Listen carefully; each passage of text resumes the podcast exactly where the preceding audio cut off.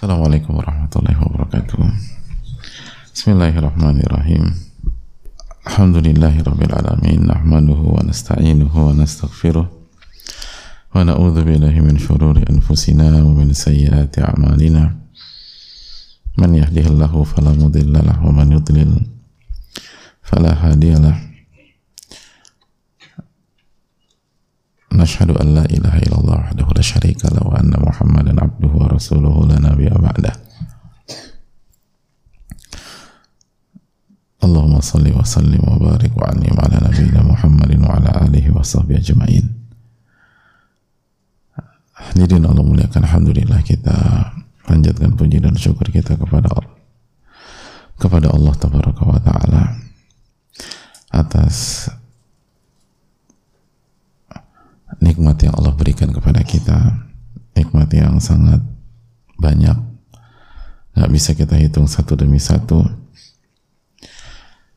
Nikmat yang Allah firmankan wa in ta'udu ni'matallahi la tuhsuha. Dan jika kalian ingin menghitung nikmat-nikmat Allah maka kalian tidak akan bisa menghitungnya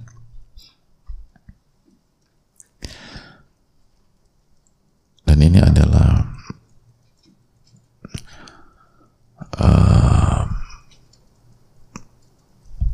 fakta yang harus kita resapi hadirin.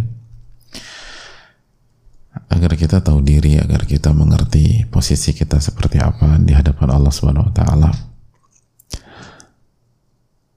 Sehingga kita berusaha bersyukur tidak bermental menuntut dan banyak-banyak istighfar kepada Allah Subhanahu wa taala atas kekurangan kita dalam bersyukur. Wong ngitung aja nggak bisa apalagi mensyukurinya. Maka selalulah berpikir bagaimana saya mensyukuri nanti kita akan dapat janji Allah la in syakartum la azidannakum. Kalau kalian bersyukur aku akan tambah. Wala in kafartum inna azabi la syadid. Dan kalau kalian kufur nikmat azabku sangat pedih.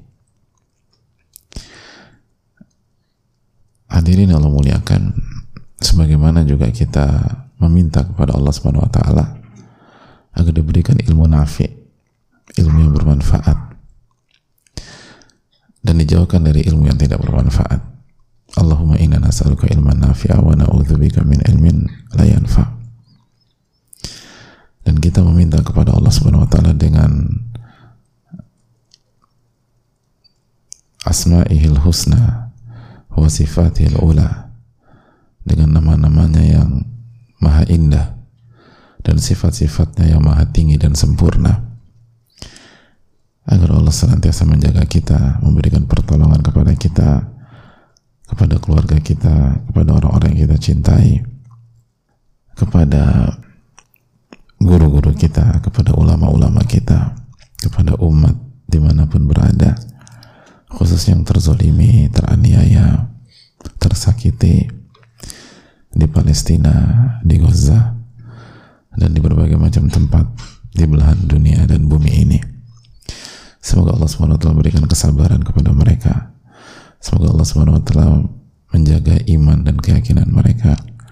Semoga Allah SWT menguatkan kaki-kaki mereka. Menyembuhkan yang sakit dari mereka dan menerima amal ibadah mereka. Memberikan mereka husnul khatimah bagi yang wafat. Dan semoga Allah SWT memberikan taufik kepada kita untuk bisa berhasil di dunia dan di akhirat. Amin ya alamin. Hadirin Allah muliakan uh, sebagaimana biasa di hari Sabtu kita buka sesi diskusi. Dan sebelum itu saya ingin mengingatkan bahwa uh, salah satu tujuan penting dalam belajar itu atau puncak puncak uh, dalam dalam ilmu atau dalam mengetahui atau dalam belajar atau mada atau uh, maratibul idrak adalah al yakin itulah keyakinan hadirin. Jadi bukan hanya sekedar tahu tapi meyakini apa yang kita pelajari dan ketahui. Karena keyakinan ini, ini penting dan itulah yang membuat para sahabat radhiyallahu taala itu bisa bertahan di dalam cobaan dan ujian. Karena mereka benar-benar yakin kepada Allah Subhanahu wa taala.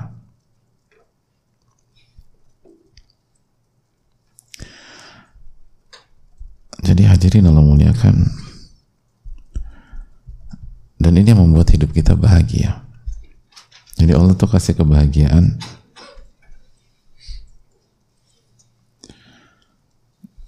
Ketika kita yakin. Ketika kita yakin. Dan kita belajar setiap hari seperti ini. Agar kita bisa hidup dengan keyakinan. Dan sebaliknya ketika kita hidup tanpa keyakinan nggak usah nggak yakin. Ragu-ragu aja. Hidup tuh benar-benar nggak enak. Hidup itu benar-benar nggak enak. Makanya kita sampaikan jangankan perjalanan kehidupan yang puluhan tahun. Perjalanan ke rumah teman atau ke sebuah lokasi yang durasinya satu jam lalu ketika kita berada di persimpangan belok kanan belok kiri terus kita ragu-ragu itu nggak enak suasana hati kita. Itu nggak enak. Padahal perjalanan padahal kalau salah tinggal balik lagi itu pulang. Ya rugi satu jam lah quote and quote. Tapi suasana hati kita nggak enak. Nggak nyaman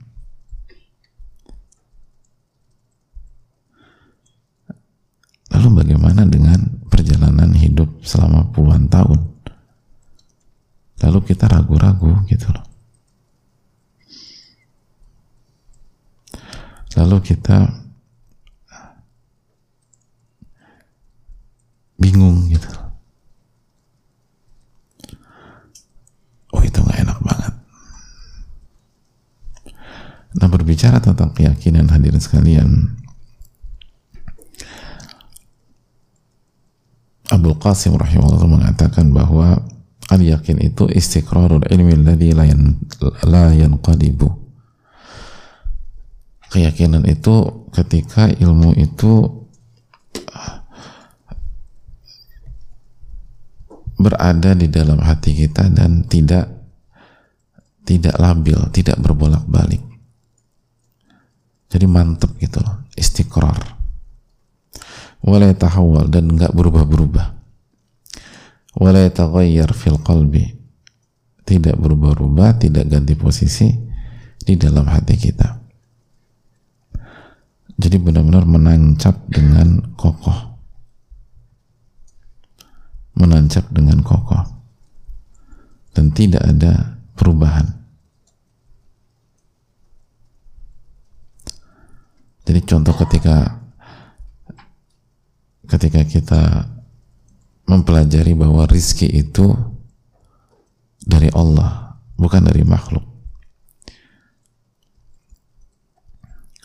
Itu kita benar-benar yakin nggak berubah mau apa pun kondisi seberat apa pun masalah se, se, se, separah apa pun kondisi finansial kita maka kita yakin rezeki itu di tangan Allah dan Allah berfirman wa man yattaqillaha yaj'al lahu makhraja wa yarzuqhu min haitsu la yahtasib. Barang siapa bertakwa kepada Allah Allah akan berikan solusi. Dan Allah akan berikan jalan keluar dari arah yang tidak dia duga-duga itu benar-benar nancep di dalam hati hati kita. Nah di saat itulah kita akan menikmati hidup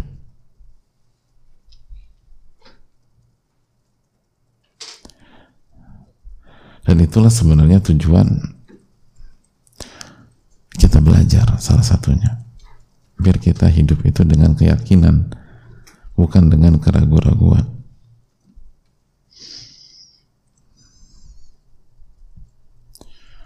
Gitu. dan itu yang dikatakan oleh sebagian ulama seperti diriwayatkan dari Al Hasan Al Basri wala sabru ala al haqqi illa bil yaqin. Itu tidak ada kesabaran di atas kebenaran kecuali dengan keyakinan. Bukan dengan kecerdasan. Bukan dengan kepintaran semata. Bukan dengan ke kekayaan. Sepintar apa pun kita tapi kalau kita nggak yakin nggak sabar kita. Bener lewat sini jalannya. Ke rumah Budi. Apa kita nggak muter balik aja? Enggak kenapa? Gue yakin yang bener loh. Udah tanya ditanya tanya tanya enggak. Jalan terus. Kenapa gue yakin. Jadi sesimpel itu. Itu tuh ada ada warung kaki lima. Tanya aja tanya. Gak usah. Kenapa? Gue yakin. Jadi mau dihambat kayak apa pun mau disuruh berhenti mau disuruh apa namanya belok kanan atau mau terbalik gak mau dia. Kenapa? Gue yakin ini jalannya gue pernah ke sana itu ada pesat pam pesat pam ini kita tanya dulu gak usah gue yakin dan akhirnya sampai Kenapa? Yakin. Itu halal sederhana. Makanya wala sabra alal haq illa bil yakin. Kita nggak akan sabar dan istiqomah meniti jalan kebenaran kecuali dengan keyakinan.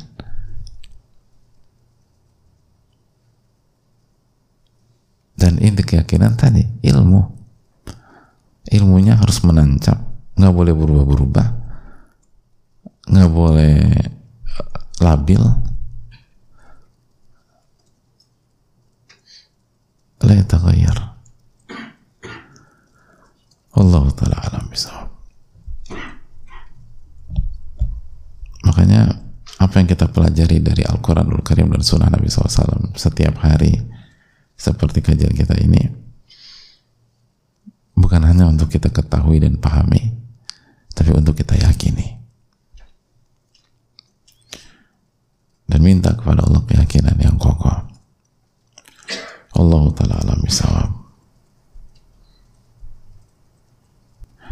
Tapi kita buka sesi tanya wa sallallahu ala nabi Muhammad. Uh, Bismillah, Bismillah, Bismillahirrahmanirrahim. Assalamualaikum warahmatullahi wabarakatuh. Waalaikumsalam warahmatullahi wabarakatuh. Semoga Allah Subhanahu wa taala merahmati Al Imam Nawawi rahimahullah, orang tua beliau, guru-guru beliau, dan seluruh para ulama yang sudah memberikan keterangan-keterangan dan seluruh para ulama lainnya amin ya rabbal alamin dan semoga Allah SWT memberikan taufik hidayah ampunan serta rahmatnya sangat luas untuk Ustadz para asatidah amin ya rabbal alamin tim jamaah khususnya saudara-saudara kita di Palestina amin ya rabbal alamin semoga Allah mengokohkan mereka di atas agama Allah dan seluruh kaum muslimin pun berada. Amin ya rabbal alamin. Begitu juga dengan yang bertanya. Mohon maaf Ustadz izin bertanya jika di daerah musola rumah imamnya eh, jika di daerah musola rumah oh. Jika di daerah musola rumah imamnya random jadi nggak ada imam rawatib. Dan sering sering kali yang biasa jadi imam itu terlambat dan sudah berusaha menunggu dan kita ditunjuk jadi imam dan saya dan kakak saya sering menolak karena ketika pernah imam ada salah satu sepuh dan suka jadi imam juga selalu sholat sendiri memisahkan dari jamaah salat wajib. Tapi ketika saya dan kakak saya di, di komen disuruh imam, memang benar-benar tidak ada yang maju. Tidak ada yang berani maju dan sholat harus ditegakkan. Apakah sikap saya sudah benar? Mohon arahan nasihat Ustaz Sallallahu Barakallahu Fikum. Uh, tapi Allah taala bisawab sekali lagi uh, imam sholat ada ada ketentuan dan syarat-syaratnya dan keterangannya dari para ulama maka setiap kita harus tinjau hal tersebut dan bukan saat ini kita membahas poin itu itu yang pertama yang kedua jika uh, tidak ada imam rawatib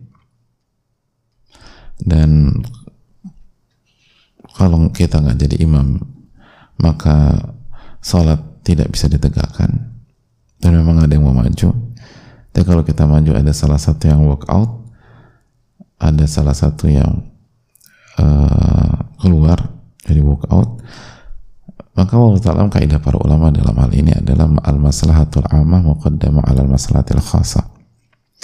Masalah umum lebih didahulukan daripada masalah personal, pribadi, atau perorangan. Jadi masalah umum itu lebih didahulukan daripada masalah personal, pribadi atau perorangan dan hak atau maslahat sholat ditegakkan itu lebih diutamakan daripada masalah perorangan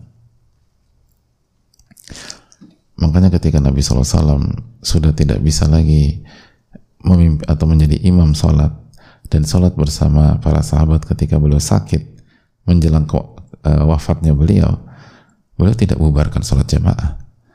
Tapi beliau tunjuk Abu Bakar As-Siddiq untuk menjadi imam.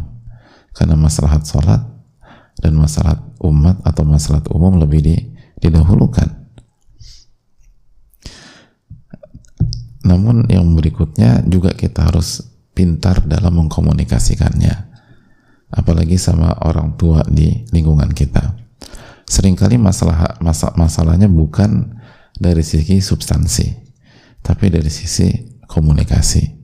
Khususnya sering kali yang muda-muda dirasa sekali lagi dirasa ya belum tentu benar. Dirasa kurang dalam uh, dalam uh, berkomunikasi atau mengkomunikasikannya minta izin membicarakannya dan seterusnya. Dan kita tahu bahwa di kultur kita khususnya di kalangan tua itu kayak gitu-gitu tuh sangat sensitif. Jadi kita harus uh, bicara mohon izin kalau ini pak gitu. Ada nasihat apa? Jadi kita harus jadi uh, apa harus jadi junior atau uh, yang lebih muda yang yang baik yang sopan dan punya tata krama punya uh, sopan santun ketimuran dan itu jelas uh, diarahkan oleh Rasulullah Sallallahu Alaihi Wasallam. Allah Taala misawab. Assalamualaikum warahmatullahi wabarakatuh. Waalaikumsalam warahmatullahi wabarakatuh. Semoga Allah senantiasa merahmati para ulama, Imam Nawawi. Semoga Allah senantiasa melindungi dan memberikan keselamatan kepada ustadz keluarga, dan semoga Allah SWT memberikan nikmat iman dan hidayah kepada seluruh kaum muslimin amin ya rabbal alamin dan semoga Allah memberikan pertolongan kepada saudara-saudara kita yang terzolimi di Palestina amin ya rabbal alamin dan begitu juga dengan yang bertanya izin bertanya Ustadz bagaimana agar bisa ikhlas dalam mempelajari Al-Quran bagaimana cara menjaga hati ini ditambah saya sering dijadikan tempat untuk menyimak murojaah teman serta sering kali ditunjuk menjadi imam mereka terbesit pikiran-pikiran kecil membanggakan diri. Saya sayang, saya kadang kesal dengan perasaan itu. Bagaimana ya Ustaz? Mohon doanya Ustaz agar hati ini terhindar dari penyakit hati. Yang kedua, apabila kita ditunjuk jadi imam, apakah diperbolehkan mengalihkan kepada yang lain? Mohon nasihatnya jazakallahu khairan. Iya, terima kasih atas pertanyaannya. Uh, adapun yang uh, yang terakhir tergantung kondisi kalau misalnya ada yang lebih ini tidak ada imam rawatib. Lalu ada yang uh, ada yang lebih baik bacaannya atau yang lebih mengenal sunnah Nabi SAW atau kita tahu bacaannya selevel dengan kita tapi lebih tua maka kita uh, persilahkan beliau maju. Intinya adalah sekali lagi dijelaskan sebagian ulama fikih bahwa yang harus pertama kali kita jaga adalah hak sholat dalam hak sholat berjamaah bukan kepentingan kita pribadi bagaimana sholat itu ditegakkan dengan dengan benar dan minta pertolongan kepada Allah Subhanahu wa taala. Makanya sebagian masyarakat mengingatkan bahwa ini bukan tentang Anda, ini tentang bagaimana sholat itu ditegakkan sebaik mungkin dalam kondisi tersebut. Allah taala alam. Adapun e, menjaga keikhlasan dalam masalah Al-Quran dan lain-lain memang tidak mudah hadirin. Cukuplah bagi kita menjadi renungan ucapan dari Muhammad bin Munkadir sosok yang dinama yang diberi gelar oleh para ulama Sayyidul Qurra. Sayyidul Qurra pemimpinnya para qari pemimpinnya qari-qari Al-Quranul Karim. Dan Ibnu Munkadir mengatakan sebagai pemimpin qari jadi bukan qari lagi nih pemimpinnya udah artinya ilmunya tuh luar biasa dalam kiraat Kata beliau, kabatu nafsi arba'ina sana hatta. Aku memperjuangkan dan menundukkan jiwa dan hatiku. Jadi aku melawan, aku kondisikan, aku perjuangkan jiwa dan hatiku selama 40 tahun sampai benar-benar stabil dan istiqomah. 40 tahun. Jadi memang ini adalah perjuangan seumur hidup itu bahasanya. Ya kalau beliau 40 tahun ya gimana kita? Tapi jangan putus asa. Kan kita juga nggak dituntut di level beliau. Tapi paling nggak level yang paling aman, eh, level minimum lah yang aman. Tapi intinya itu harus harus berjuang nggak mudah. Allah taala alam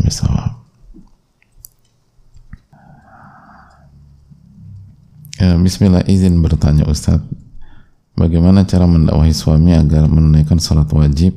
Dari awal nikah suami tidak pernah mengerjakan salat wajib. Yang lima waktu sama sekali. Baik itu di rumah apalagi di masjid. Pernikahan kami baru berjalan pernikahan kami berjalan baru satu tahun sebelum nikah saya dan suami berkomitmen untuk belajar ilmu agama beribadah lebih baik lagi tapi setelah nikah suami tidak sesuai komitmennya jazakallah khairan jadi hadirin Allah muliakan. Yang pertama uh, jangan lupa uh, mengucapkan salam sebelum bertanya. Dalam riwayat assalam qabla soal salam sebelum bertanya itu salah satu adab. Bahkan ditekankan Nabi SAW dalam riwayat tersebut barang siapa yang bertanya tanpa salam fala tujibu jangan dijawab pertanyaannya. Dan bukan dipahami secara letterlock tapi itu penekanan. Tapi mungkin penanya belum tahu atau mungkin dengan lisan tapi ini perlu ditekankan. Lalu doakan ulama kita guru-guru kita sebagai uh, upaya mengamalkan sabda Nabi Sallallahu Sona ilaikum ma'rufan fakafi'uh.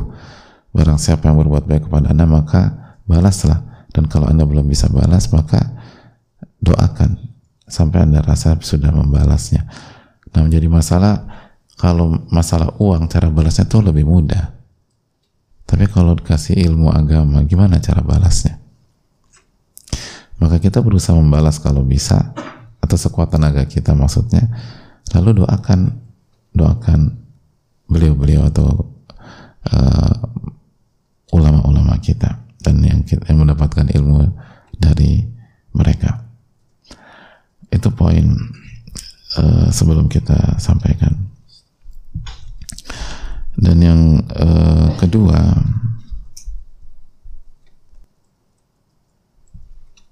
yang perlu kita uh,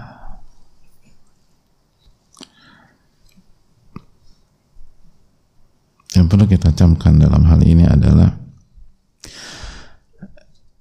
ini memberikan pelajaran kepada kita bahwa kita harus benar-benar selektif dalam memilih pasangan atau istri apalagi suami. Memilih istri apalagi suami. Dan uh, komitmen itu penting tapi sebatas komitmen lisan saja nggak cukup. Makanya ulama seperti dijelaskan juga oleh Syekh Abdul Razak bin Abdul Musin al-Abbad ketika membahas tentang kriteria pasangan ada kata yang menarik dari beliau. Kata beliau hendaknya calon kita itu ma'rufah bil istiqomah. Atau ma'ruf bil istiqomah jadi calon kita itu sudah diketahui atau sudah terbukti dengan data bukan data masa depan ya nggak ada yang tahu data masa depan. Tapi diketahui selama ini itu istiqomah. Istiqomah gitulah itu kan ya bukan hanya sekedar komitmen aja karena komitmen tuh gini loh kalau cuman ucapan kata ya orang yang is apa namanya orang yang uh, hidupnya bermaksiat kalau ditanya ingin masuk surga nggak? Ingin gitu. Semua ingin masuk surga. Tapi kan kalimat itu harus ada buktinya. Dan ini masalah besar dan sangat besar apalagi bagi wanita. Apalagi bagi wanita. Dan begitu juga dengan pria. Jadi kita harus lihat track recordnya istiqomah apa enggak. Istiqomah atau atau tidak. Karena apa itu sangat sangat penting untuk ini. Adapun yang baru misalnya baru hijrah atau baru berusaha berubah beberapa bulan yang lalu belum terbukti. Yang baru berubah beberapa bulan belum terbukti apalagi yang baru ucapan lisan aja. Ayo kita komitmen sama-sama belajar ya. Yang ngomong enak gitu. Dan kita kan bukan orang bukan orang bukan orang yang baru hidup kemarin gitu loh hadirin. Kita sering ngalamin waktu kita sekolah misalnya ada ada banyak di antara kita ketika masuk SMP saya komitmen akan belajar sungguh-sungguh. Atau saya komitmen ketika masuk SMA saya akan berubah dan saya akan belajar sungguh-sungguh. Kenyataannya gampang apa enggak? Nas gimana Nas kenyataannya? Susah banget. Ya. saya komitmen mau uh, ngafal Quran sehari satu lembar gitu loh ya komitmen eh, ngomong komitmen enak Coba-coba jalanin. Nggak mudah. Jangankan ngafalin. Komitmen baca Quran satu hari satu juz gitu. Ya kalau ngomong enak. Pada sebelum Ramadan gitu loh, mau masuk Ramadan. Gimana uh, persiapan? Ya pokoknya gue akan komitmen.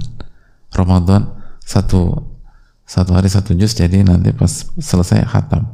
Pertanyaannya, dari semua orang yang bicara demikian, berapa persen yang berhasil? Ada yang berhasil, tapi berapa persen? Gitu. Nanti pasti akhir, iya susah ya. Padahal udah bertekad tuh. Pengen, tapi nggak bisa. Sibuk inilah, sibuk itulah, segala macam. Jadi kalau cuma mengandalkan, artinya kita hendaknya belajar dari pengalaman. Gak usah pengalaman orang lain deh, pengalaman kita lah. Bicara komitmen tuh gampang tapi merealisasikannya susah. Kita yang apa namanya kita yang lagi lagi program menurunkan berat badan misalnya komitmen. Mengurangi gula gitu misalnya selama sebulan ini emang gampang apa dari yang komitmen itu berapa persen yang berhasil? Saya komitmen satu hak satu pekan satu kilo. Iya, enak ngomong komitmen enak lah. Tapi berapa persen yang berhasil?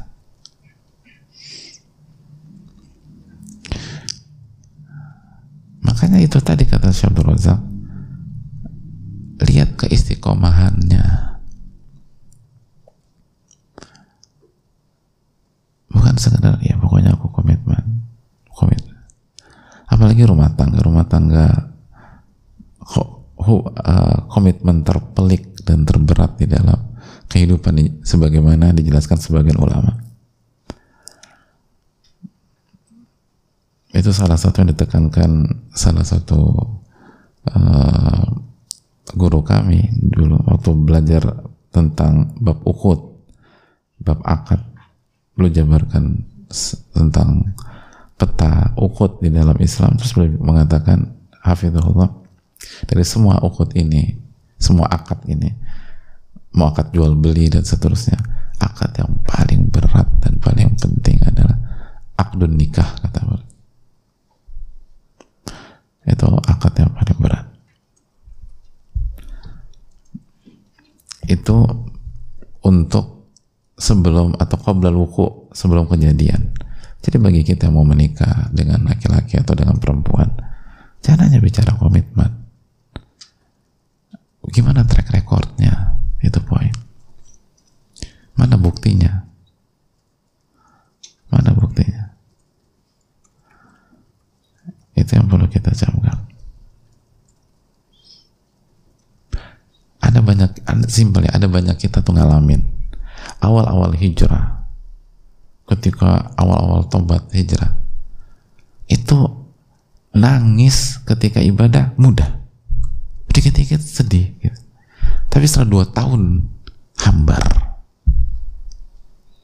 Setelah dua tahun hambar. Ada lagi. Makanya kan banyak pertanyaan di kita. Gimana sih mengembalikan rasa di awal-awal hijrah dulu? Artinya, perasaan yang sensasi yang luar biasa ketika awal hijrah itu nggak mudah dipertahankan. Bukan berarti masa depan kayak gitu terus enggak. Anda harus bangun dari angan Anda. Sama ketika kita selesai Ramadan, Ramadan kita luar biasa. Lalu Idul Fitri terus pokoknya iman tuh lagi mantap-mantapnya. Jangan berpikir setelah Syawal berakhir iman Anda otomatis masih demikian loh. Haji misalnya. Oh pokoknya haji tuh udah bisa-bisan pulang tuh optimis banget. Jangan berpikir pasca haji secimpel itu. Coba kita lihat 10 bulan setelah haji, dua bulan setelah haji tiga bulan setelah haji apakah komitmen di Arafah masih diperjuangkan apakah komitmen ketika di Masjidil Haram masih diperjuangkan? Masih sama? Berapa persen yang sama? Ada. Tapi berapa persen? Ini hal yang sangat karena kita gampang banget. Tapi kan kita udah komitmen. Ya komitmen. Kita kayak baru hidup kemarin aja. Padahal kita sendiri ngalamin sebatas bicara komitmen, semua orang juga bisa. Dan itu belum buktikan apa pun. Itu kalau belum kejadian. Tapi kalau sudah kejadian, maka tanggung jawab terhadap keputusan. Kan kita milih. Maka perjuangkan. Mulai dari diri sendiri. Tobat-tobatan nasuha. Tobat-tobatan nasuha. Banyak istighfar lalu mulai rubah diri sendiri ibda binafsik mulai da mulai dari diri sendiri lalu doakan suami kita lalu berdakwah mulai dan mulailah dengan perbuatan. Apalagi kita kondisi sebagai istri. Nggak mudah doain suami. Tapi mulai dari sikap kita perubahan. Pelan-pelan. Jadilah istri yang soleha.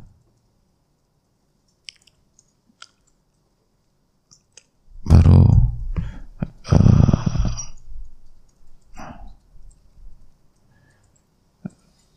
demikian dan dan saran saya karena ini masalah sholat coba benar-benar pastikan dan konsul, konsul, konsultasikan lagi dengan uh, ahli ilmu atau guru yang punya kapasitas setelah kita pastikan. Karena belum tentu orang yang kita pikir nggak pernah sholat benar-benar nggak pernah sholat. Bisa jadi sholat di kantor bisa jadi sholat di luar tapi di rumah nggak pernah sholat. Iya. Mungkin. Tapi kita tahu ada pembicaraan panjang tentang masalah ini antara orang yang masih sholat dengan orang nggak pernah sholat sama sekali.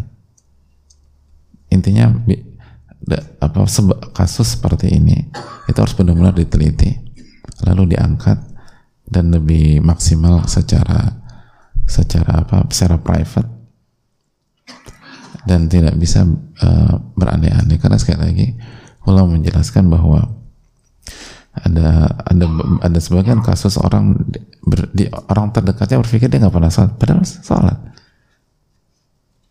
Padahal sholat. Atau orang orang-orang di lingkungannya berpikir nggak pernah sholat lima waktu padahal sholat walaupun bolong-bolong. Nah jelas itu dosa semua dosa kalau sampai nggak sholat. Satu sholat aja dosanya parah banget. Tapi maksud saya ada pembicaraan panjang di tengah-tengah para ulama dan ada perincian antara orang yang masih sholat dengan orang yang nggak pernah sholat sama sekali. Lalu terjadi perbincangan yang cukup uh, cukup hangat tentang masalah itu. Jadi butuh diangkat secara khusus ke sosok-sosok yang mumpuni, mumpuni dalam masalah ini. Allah taala. Dan di samping itu tadi perbanyak istighfar, tobat dan ajak suami kita untuk untuk sholat. Allah taala misal. Karena masalah sholat ini ketat para ulama hadirin. Sangat sangat ketat. Dan ini bisa uh, itu ini bisa menjadi salah satu atau menjadi salah satu sebab berakhirnya rumah tangga masalah sholat. Maka ini nggak bisa dianggap sederhana. Dan ingatkan suami ini nggak sederhana loh. Ini masalah penting. Dan angkat secara khusus setelah kita tahu data secara utuh Allah ta'ala misawab dan kalau bisa kita dan suami itu uh, minta nasihat ke ahli ilmu atau seorang guru. Itu penting. Untuk untuk untuk dipastikan. Karena sekali masalah ini masalah yang yang konsekuensinya besar. Allah taala misal saya rasa cukup sampai di sini. Dan semoga Allah memberkahi kita dan menjaga kita dan menjaga saudara-saudara kita. Dan khususnya yang sedang tersakiti di Palestina dan semoga Allah SWT memberikan hidayah kepada kita semua. Amin. Ya rabbal alamin. Wa wa assalamualaikum warahmatullahi wabarakatuh. Syukran Awali pagi yang berkah dengan bersedekah. Sahabat, manfaatkan waktu pagi untuk meraih keberkahan dari Allah Ta'ala dan mendapatkan doa baik dari para malaikat. Insya Allah, kita bisa memulainya dengan bersedekah kepada saudara-saudara kita yang membutuhkan pangan. Ayo, raih keberkahan pagi dengan bersedekah melalui program Sedekah Pangan. Insya Allah, dana yang terkumpul akan disalurkan dalam bentuk sembako dan makanan siap santap kepada saudara-saudara di Jabodetabek serta kota-kota lain.